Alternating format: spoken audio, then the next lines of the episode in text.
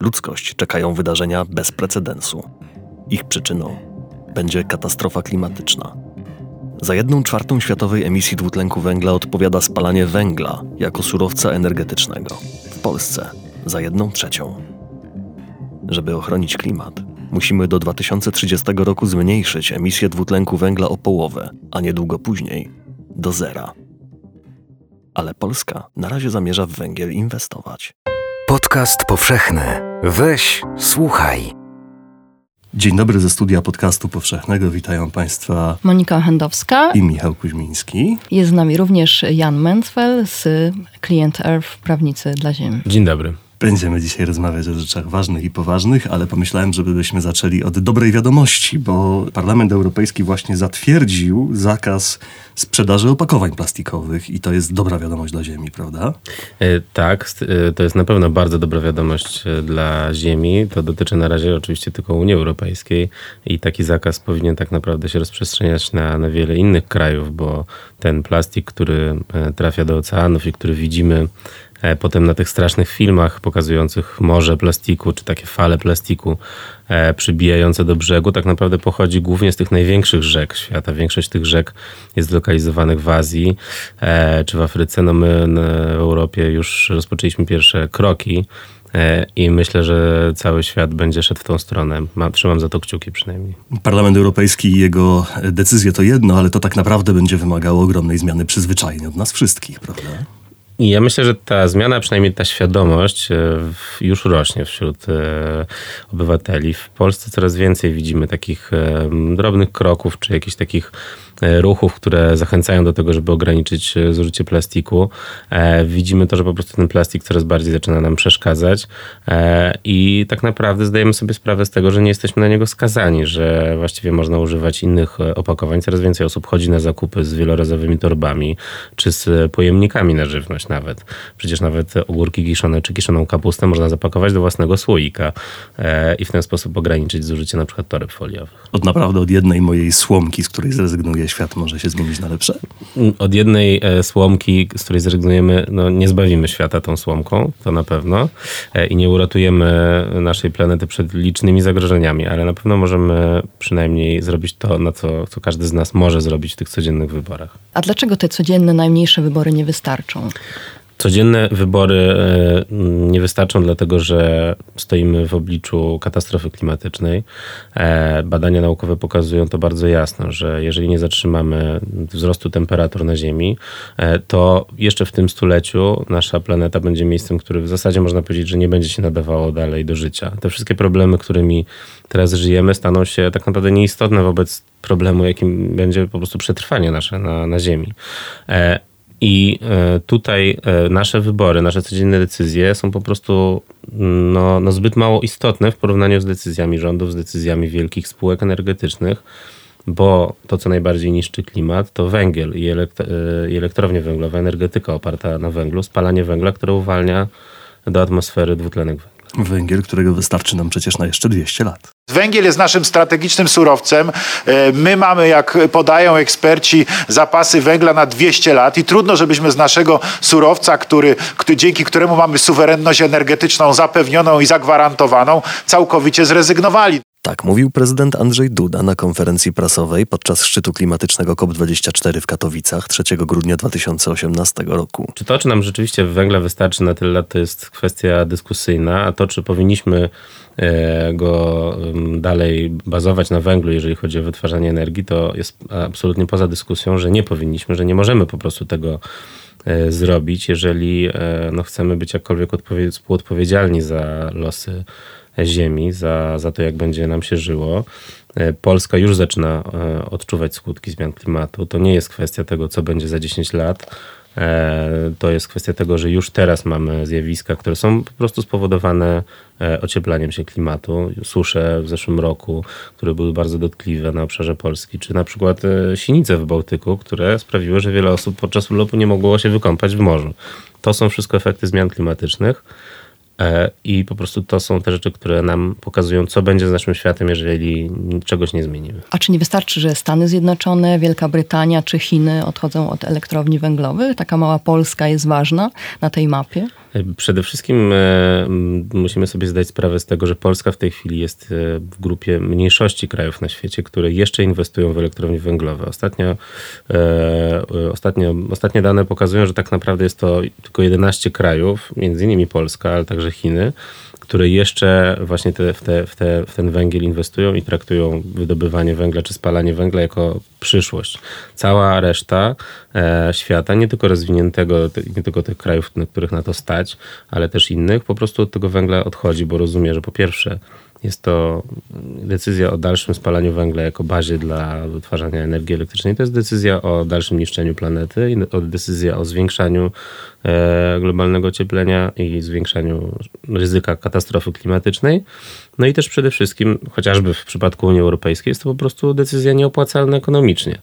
Regulacje unijne będą sprawiały, że węgiel będzie coraz mniej opłacalny a coraz bardziej opłacalne już teraz stają się odnawialne źródła energii. Na przykład? Na przykład energetyka wiatrowa, na przykład e, energia słoneczna.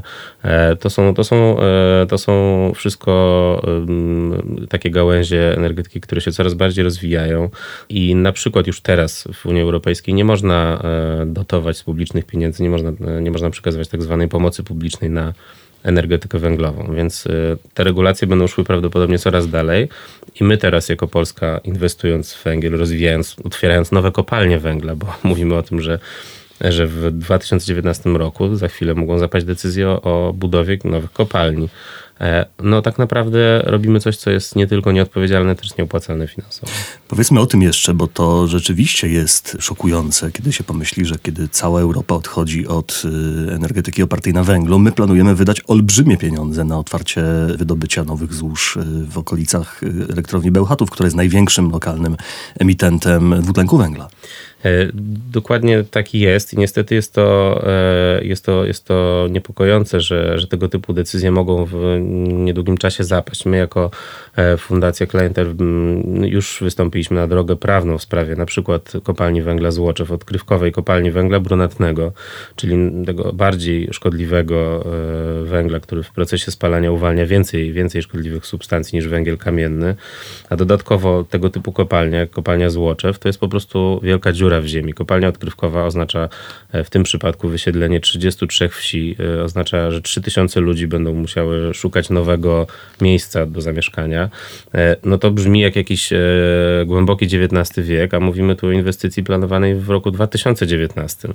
W, w, w, innych krajach, które również wydobywają węgiel brunatny, na przykład Niemcy, w tej chwili mówi się o dacie odejścia od węgla, o dacie całkowitego zakończenia w ogóle tego typu inwestycji i nawet tych istniejących. A my mówimy, nie, nie dość, że w Polsce nie znamy daty odejścia od węgla, nawet planowanej, to y, wiemy, że w tym roku może zacząć powstawać nowa kopalnia tego surowca.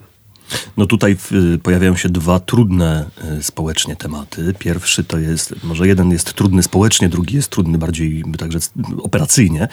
Pierwsza sprawa to jest kwestia wydobycia węgla i kwestia całego, całej kultury, która za tym stoi, całej y, społeczności lokalnej, nie wiem, Górnego Śląska na przykład, której, której właściwie życie od pokoleń jest oparte y, o symbiozę z wydobyciem węgla. No i co tym ludziom powiedzieć? Przede wszystkim to nie odbywa się w taki sposób, że nagle te e, kopalnie czy istniejące miejsca pracy nagle znikają. To jest pewien proces, który my musimy sobie zaplanować, dlatego w innych krajach podawane są daty e, takie jak 2038 czy 35, czyli od tego momentu mamy 15-20 lat na przeprowadzenie tego procesu. I oczywiście, że bardzo istotnym elementem tego procesu jest to, żeby ludzie, którzy mm, no, mają po prostu miejsca pracy, często, czy to, często są to całe rodziny, tak jak, e, tak jak powiedzieliśmy, od pokoleń e, pracujące w przemyśle związanym z wydobyciem węgla, e, mogły, e, mogły znaleźć taką samą, czy tak samo godną pracę w innych w innych e, warunkach, w, innym, w innej branży. I tu konieczna jest oczywiście pomoc państwa. Na pewno to nie jest tak, że po prostu można kopalnię zamknąć i ta praca się znajdzie gdzieś indziej. E, jest całe pojęcie tak zwanego just transition, czyli takiej sprawiedliwej transformacji energetycznej, e, w której bardzo duży nacisk kładzie się właśnie na to, żeby nikt nie był pozostawiony sam sobie i żeby odchodzenie od węgla nie wiązało się z dramatem dla e, mieszkańców takich miejscowości, które rzeczywiście, w których kopalnia czy elektrownia to jest bardzo istotny dostarczyciel dostarczyciel miejsc pracy. Drugie pytanie jest bardziej operacyjne i ono dotyczy wydajności odnawialnych źródeł energii. To znaczy, czy w tym całym bilansie energetycznym, w tym całym zapotrzebowaniu na prąd elektryczny chociażby, zostańmy przy nim, którego potrzebujemy, jesteśmy w stanie, a chyba nie jesteśmy, zaspokoić nasze potrzeby wyłącznie z odnawialnych źródeł energii. E, nawet jeżeli nie jesteśmy w stanie ich zaspokoić wyłącznie z odnawialnych źródeł energii, to, na, to, tak, to według scenariuszy, które są przygotowane przez międzynarodowy raport IPCC, e, które mówią o tym, o tak naprawdę jak mm, mocno musimy ograniczyć e, emisję CO2, to okazuje się, że e, tak naprawdę mówimy tutaj o ograniczeniu emisji CO2 o 60%, o tego typu wartości, które nie oznaczają dla nas, że powinniśmy na ten moment e, planować całkowite, całkowitą produkcję energii elektrycznej z odnawialnych źródeł energii. To jest pewien proces, który polega na zastępowaniu części tej produkcji, części tego miksu energetycznego, który teraz w 80% w Polsce jest oparty na węglu, na na, tych, na odnawialne źródła energii, przechodzenie na odnawialne źródła energii. E, nawet w prognozach e, tworzonych przez polski rząd jest mowa o tym, żeby 40% e, energii w nieodległej przyszłości było produkowanych z odnawialnych źródeł energii. Niestety problem jest taki, że to są tylko prognozy i strategie, które są na papierze, wyglądają nieźle, ale potem okazuje się, że w praktyce decyzje podejmowane są w zupełnie inną stronę, właśnie w tą stronę, żeby przedłużyć życie tych wielkich elektrowni elektrowni węglowych. Mówimy cały czas o emisji CO2. Jakby, jakby miał Pan opowiedzieć komuś, kto niczego na ten temat nie wie, jak to wygląda? W wyniku e, spalania węgla uwalniają się do mm, atmosfery różnego rodzaju substancje. Jak widzimy zdjęcia pokazujące E, jak wyglądają elektrownie, na przykład elektrownia Bełchatów, to widzimy wielkie kłęby dymu i pary wodnej. E, i w tym, e, co uwalnia się właśnie w wyniku procesu spalania węgla, jest też dwutlenek węgla. I to zostało udowodnione naukowo już wiele lat temu, ale dopiero od niedawna nie jest to kwestionowane w debacie publicznej, że dwutlenek węgla, który uwalnia się w procesie spalania węgla powoduje, że podnosi się temperatura na Ziemi e, i już teraz doprowadziliśmy do tego, że średnia temperatura w porównaniu z okresem przed rewolucją przemysłową e, podniosła się o 1 stopień. To, jakie ryzyko przed nami stoi, to, że temperatura podniesie się na przykład o 4 stopnie na koniec XXI wieku. Podniesienie się temperatury o 4 stopnie Celsjusza, średniej temperatury, oznacza, że będziemy mieli falę upałów, że będziemy mieli e, suszę, że będziemy mieli zanik wody pitnej, że południowe części E, świata, na przykład Afryka, w wyniku na przykład tych fal upałów, po prostu przestaną nadawać się do e, życia. Takie fale upałów, które tam już teraz zabijają e, ludzi, kilka, to się zdarza kilka razy, co, czy co kilka lat, będą występowały regularnie co roku. Właśnie na skutek podniesienia się temperatury na Ziemi. Więc e, mówimy tutaj o zjawisku, które nie, nie dotyczy tylko środowiska naturalnego. To nie chodzi tylko o wymieranie raf koralowych, czy o to, że będą zanikały gatunki zwierząt. Tu chodzi o bezpośrednie zagrożenie życia dla ludzi, e, dla nas po prostu. I mówię tutaj nie tylko o mieszkańcach właśnie południowej, południowej części naszego świata, ale też my w Europie jesteśmy narażeni na, na na przykład chociażby fale upałów, które już teraz się pojawiają, czy na susze, które uderzają w nasze rolnictwo. Fale upałów, susze, ale zresztą raport y, prognozujący sytuację na 2030 rok wspomina też o takich na przykład rzeczach jak y, osuwiska ziemi w Małopolsce. To w ogóle e, jest e, szerzej znane zjawisko jako anomalie, anomalie pogodowe czy anomalie klimatyczne. To są różnego rodzaju nieprzewidywalne, e, drastyczne zjawiska pogodowe, atmosferyczne, związane bezpośrednio z ocieplaniem się klimatu. W Polsce na razie tego typu zjawisk nie, nie doświadczyliśmy zbyt dużo, ale na przykład pożary, e, pożary, dzikie pożary lasów w Kalifornii, które zebrały przerażające żniwo jeszcze nie tak dawno, pół roku temu.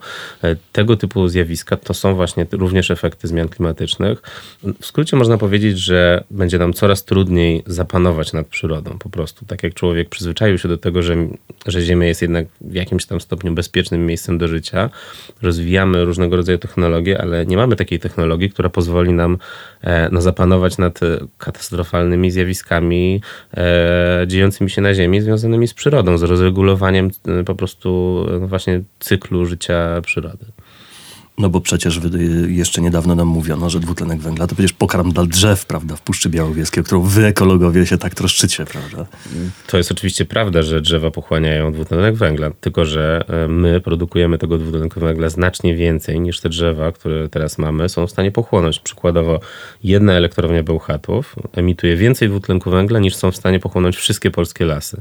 E, I to mówię tutaj o oficjalnych danych lasów państwowych, więc e, to jest skala e, problemu, z jaką się mierzymy. To, że nasze, nasz przemysł, nasza ener- przede wszystkim energetyka e, wytwarza tego dwutlenku węgla tak wiele, że my nie jesteśmy w stanie w żaden sposób zniwelować tego efektu. Skoro jesteśmy już przy drzewach, to okazuje się, że emisja dwutlenku węgla ma wpływ na nasze zdrowie nie tylko dlatego, że, e, że go wdychamy, ale też na przykład zwiększa populację kleszczy.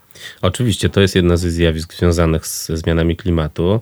E, W ostatnich latach zaobserwowaliśmy dużo dłuższy cykl życia kleszczy. W tej chwili mamy kwiecień i już od początku marca pojawiły się chyba pierwsze informacje e, podawane na razie w internecie, ale później też w mediach, że pojawiły się już kleszcze w lasach. Bo były po prostu bardzo ciepłe dni jeszcze w lutym i te kleszcze zaczęły się rozwijać. To, że tych kleszczy jest więcej, że one mają po prostu łatwiejsze warunki do życia, oznacza, że mamy dużo więcej zachorowań e, na choroby przenoszone przez kleszcze. W efekcie coraz więcej osób e, zastanawia się, czy spacer do lasu to nie jest już za duże ryzyko, szczególnie jeżeli pójdziemy do lasu z dziećmi. No, nie chcemy chyba żyć w takim świecie, w którym nie możemy spokojnie e, pójść na spacer do lasu, czy nawet do miejskiego parku, bo zbyt duże jest ryzyko, że, że, kle, że kleszcz przeniesie jakąś groźną chorobę. I to jest właśnie świat katastrofy klimatycznej, to jest świat zmieniającego się klimatu. Kiedy zastanawiam się, po jakie rozwiązania każdy z nas może sięgnąć, myślę sobie między innymi o popularyzacji samochodów hybrydowych i samochodów elektrycznych, które no, w jakimś sensie stanowią odpowiedź na emisję dwutlenku węgla również. Te emisje w tych samochodach są znacznie niższe. No ale kiedy myślę o samochodach elektrycznych tu w Polsce, to dociera do mnie, że prąd, którym będę ten samochód ładował, będzie pochodził właśnie z elektrowni Bełchatów na przykład. Gdzie tu sens? Niestety właśnie to jest paradoks, z którym się stykamy. Nawet te osoby, które spośród nas, które już zauważyły problem zmian klimatycznych, już chciałyby coś z tym zrobić. Na przykład myślą o tym, że mogą zrezygnować, no nie wiem, z, z jeżdżenia dieslem na rzecz bardziej ekologicznego samochodu, że mogą e, bardziej zwracać uwagę na odpady, czy mniej zużywać energii, czy też, e, czy też e, zrezygnować z jedzenia mięsa na przykład, e, ze względu na to, że to jest bardzo nieekologiczne i bardzo emisyjne. No niestety te wszystkie decyzje mają, e, nawet gdybyśmy wszyscy zrezygnowali z jedzenia mięsa w Polsce, wszyscy byśmy odstawili wołowinę i nagle e, Polacy st- przestaliby jeść wołowinę, to nawet to nie, z, nie zrównoważyłoby emisji z jednej elektrowni Bełchatów. E, Po prostu energetyka oparta na węglu jest tak, tak emisyjna, jest tak, jest tak szkodliwa dla klimatu na Ziemi, e, że te jednostkowe decyzje nie mają większego znaczenia, jeżeli za tym nie pójdzie jakaś presja na rządzących, na właśnie spółki energetyczne, żeby to one zaczęły podejmować właściwe decyzje. Jeżeli my, obywatele, możemy zmienić coś w małej skali, to dlaczego oni nie mogą zmienić czegoś w większej skali, skoro inne kraje pokazują, że da się to zmienić? A czy my, tak zwani zwykli obywatele, jesteśmy w stanie, bo możemy podejmować swoje zwykłe konsumenckie decyzje, ale skoro to ciągle za mało, to czy my jesteśmy w stanie jakoś wywierać nacisk na, te, na tych wielkich decydentów? Mm, Oczywiście, że jesteśmy w stanie. Pokazują to nawet te dotychczasowe wydarzenia, które, które miały miejsce, e, bo e, coraz więcej osób e, zaczyna interesować się klimatem. Mieliśmy ostatnio młodzieżowy strajk klimatyczny w kilkudziesięciu nawet miastach w całej Polsce i okazuje się, że na przykład kilka, kilka tysięcy czy kilkanaście tysięcy młodych ludzi, uczniów jest w stanie wyjść na ulicę właśnie w obronie klimatu, e, właśnie z postulatem odejścia od węgla, z postulatem jakiejś presji na ministerstwo czy na rządzących, żeby zmieniło to podejście do energetyki w Polsce. E, I te, ja jestem przekonany, że im dłużej takie, te, tego typu protesty, tego typu presja będzie, jeżeli będzie taka presja będzie narastać, to za tym pójdą konkretne decyzje, E, bo Polska, tak jak już powiedzieliśmy, jest jednym z 10 czy 11, jest jednym z 11 krajów, który nadal inwestuje w węgiel i ta presja już na nas jest od strony właśnie międzynarodowej, od strony samej Unii Europejskiej, w której jesteśmy. Jeżeli do tego dojdzie presja ze strony obywateli, to prędzej czy później te decyzje o odchodzeniu od węgla, czy plan przynajmniej odejścia od węgla będą podejmowane. Tu warto przypomnieć, co inicjatorka tego ruchu, którym jest y, młodzieżowy strajk y, dla klimatu, Greta Thunberg, mówiła podczas y, szczytu klimatycznego w Katowicach. W 2078 roku będę obchodzić 75. urodziny. Jeśli będę miała dzieci, może spędzą ze mną ten dzień i może zapytają mnie o was. Może zapytają, dlaczego nie zrobiliście nic, kiedy wciąż jeszcze był czas, żeby działać. Mówicie, że kochacie swoje dzieci ponad wszystko, a jednak kradniecie ich przyszłość na ich własnych oczach. Dopóki nie zaczniecie skupiać się na tym, co trzeba zrobić, a nie na tym, co jest politycznie możliwe, nie ma nadziei. Nie rozwiążemy kryzysu, jeśli nie zaczniemy go traktować jak kryzys. Może przeczytam kilka fragmentów, jeszcze mhm. pozwolę sobie przeczytać y, kilka fragmentów y, z dodatku, które znajdą Państwo w najnowszym numerze tygodnika. Dodatku poświęconego właśnie kwestii dwutlenku węgla i emisji dwutlenku węgla, którego Monika jest redaktorem. Y, profesor Szymon Malinowski, dyrektor Instytutu Geofizyki na Wydziale mm, Fizyki Uniwersytetu Warszawskiego, porównuje sytuację naszej cywilizacji w obliczu nadchodzących zmian klimatycznych do człowieka stojącego przed plutonem egzekucyjnym. Analityk trendów Marcin Popkiewicz porównuje kolei ilość dodatkowego ciepła, jakie otrzymuje obecnie Ziemia, do, wybuchu bomb, do wybuchów bomby atomowej na Hiroshimie. Ja mam takie wrażenie, czytając tutaj te różne porównania, że naukowcom zaczyna już brakować jakby argumentów i metafor do opisywania świata, w którym żyjemy, że nie wystarczy już jakby, nie wystarczy podanie samych faktów czy analiz yy, i negocjowanie zmian. Jakby język, zaczyna nam brakować języka do opisywania tych zmian. Co więcej, państwo na ostatnim szczycie klimatycznym w Katowicach posłużyli się wręcz muzyką, żeby te zmiany zobrazować. Wyzwanie polegające na, na zatrzymaniu zmian klimatycznych opiera się na tym, że musimy e, po, pozwolić ludziom wyobrazić sobie, jakie zagrożenie e, wiąże się z tym, co na przykład będzie za 10-20 lat, jeżeli tych zmian klimatycznych nie zatrzymamy. Niestety wiele osób nie myśli w takiej perspektywie nawet o swojej własnej przyszłości, a co dopiero o przyszłości swojego kraju czy planety. E, I Tutaj e, wyzwanie jest takie, żeby mówić o tym takim językiem, który by rzeczywiście przekonywał ludzi do tego, że należy działać teraz, że to jest rzecz, której nie można odkładać na później. Przede wszystkim e, to, co może tutaj najbardziej pomóc, to jest to, że my już teraz zaczynamy odczuwać takie realne efekty tych zmian klimatu. Mówiliśmy tu o kleszczach, mówiliśmy o sinicach, które nie pozwalają się kąpać. To są na razie może i drobiazgi, ale jeżeli my sobie pomyślimy, że to są te namacalne efekty, a co będzie w takim razie za 10 lat, jeżeli teraz już widzimy takie problemy, co będzie za lat 20, może w ten sposób sposób zacznie się coś zmieniać. My rzeczywiście e, zrobiliśmy w ramach szczytu klimatycznego, zorganizowaliśmy koncert, w którym e, przetworzyliśmy cztery pory roku Vivaldiego. Zaprosiliśmy dwóch młodych muzyków, Szymona Weissa i Szymona Sutora, do tego, żeby przedstawili taką swoją wersję czterech pór roku. Właśnie e, uwzględniając, jakie zmiany klimatyczne możemy już zaobserwować w tej chwili w przyrodzie. E, myślę, że musimy zacząć mówić o tym w taki sposób, że świat, który teraz znamy, właśnie świat, w którym na przykład powstaje takie dzieło jak Cztery pory roku, które ma swoją harmonię, który pokazuje, że ten świat ma jakiś porządek, który można oddać w sposób artystyczny, zaczyna się zawalać, zaczyna się to wszystko chwiać. E, te cztery pory roku już praktycznie zanikają, już nie ma takich zim, takiej prawdziwej zimy, jaka kiedyś była. To się teraz nam wydaje tylko może czymś, e, czymś błahym, ale to jest tak naprawdę symptom dużo groźniejszych zjawisk, które nadejdą za 10 i 20 lat. Tylko nadejdą, jeżeli my ich dzisiaj nie zatrzymamy i cały czas możemy jeszcze to zatrzymać. Posłuchajmy zatem.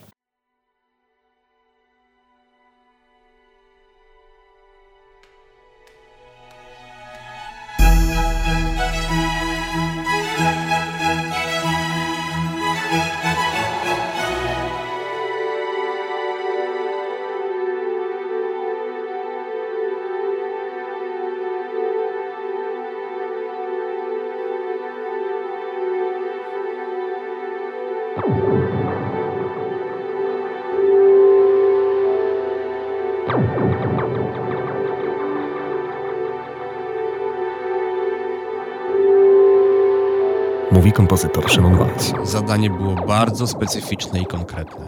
Mianowicie, jak przetłumaczyć oryginał, by według pewnych wytycznych dać do zrozumienia muzyką, że na naszych oczach następuje koniec pewnego światowego porządku. Koniec lata, koniec zimy, koniec tych czterech pół roku, które znamy z przyrody. Harmonia to jest, to jest pewien układ sił. Kompozytor Szymon Sutor. Zdrowy układ sił patrząc na obecne cztery pory roku, zastanawiam się, jakimi dźwiękami opisałby je dziś Antonio Vivaldi.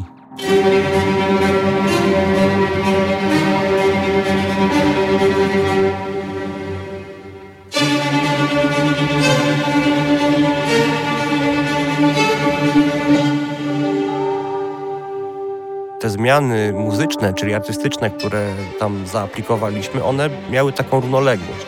Czyli po prostu były adekwatną formą wypowiedzi do tego, jak, jak w rzeczywistości wygląda zmiana klimatyczna, zmiana pór roku.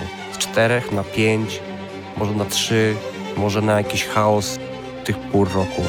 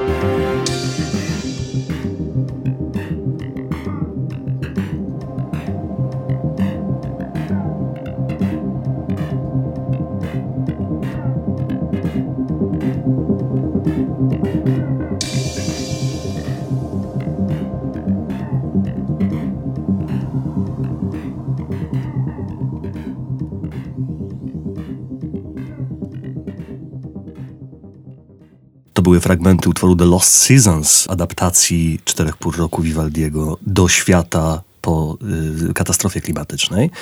A naszym gościem w studiu Tygodnika Powszechnego był Jan Menzfeld z y, Client Earth, Prawnicy dla Ziemi. Bardzo serdecznie dziękujemy. Dziękuję bardzo. Dziękujemy. W najnowszym Tygodniku Powszechnym dodatek specjalny i co, a właściwie ICO2 dalej. Zapraszamy. Podcast powszechny. Weź, słuchaj. Podcaście wykorzystano fragmenty ścieżki dźwiękowej filmu The Lost Seasons dzięki uprzejmości Client Earth, Prawnicy dla Ziemi.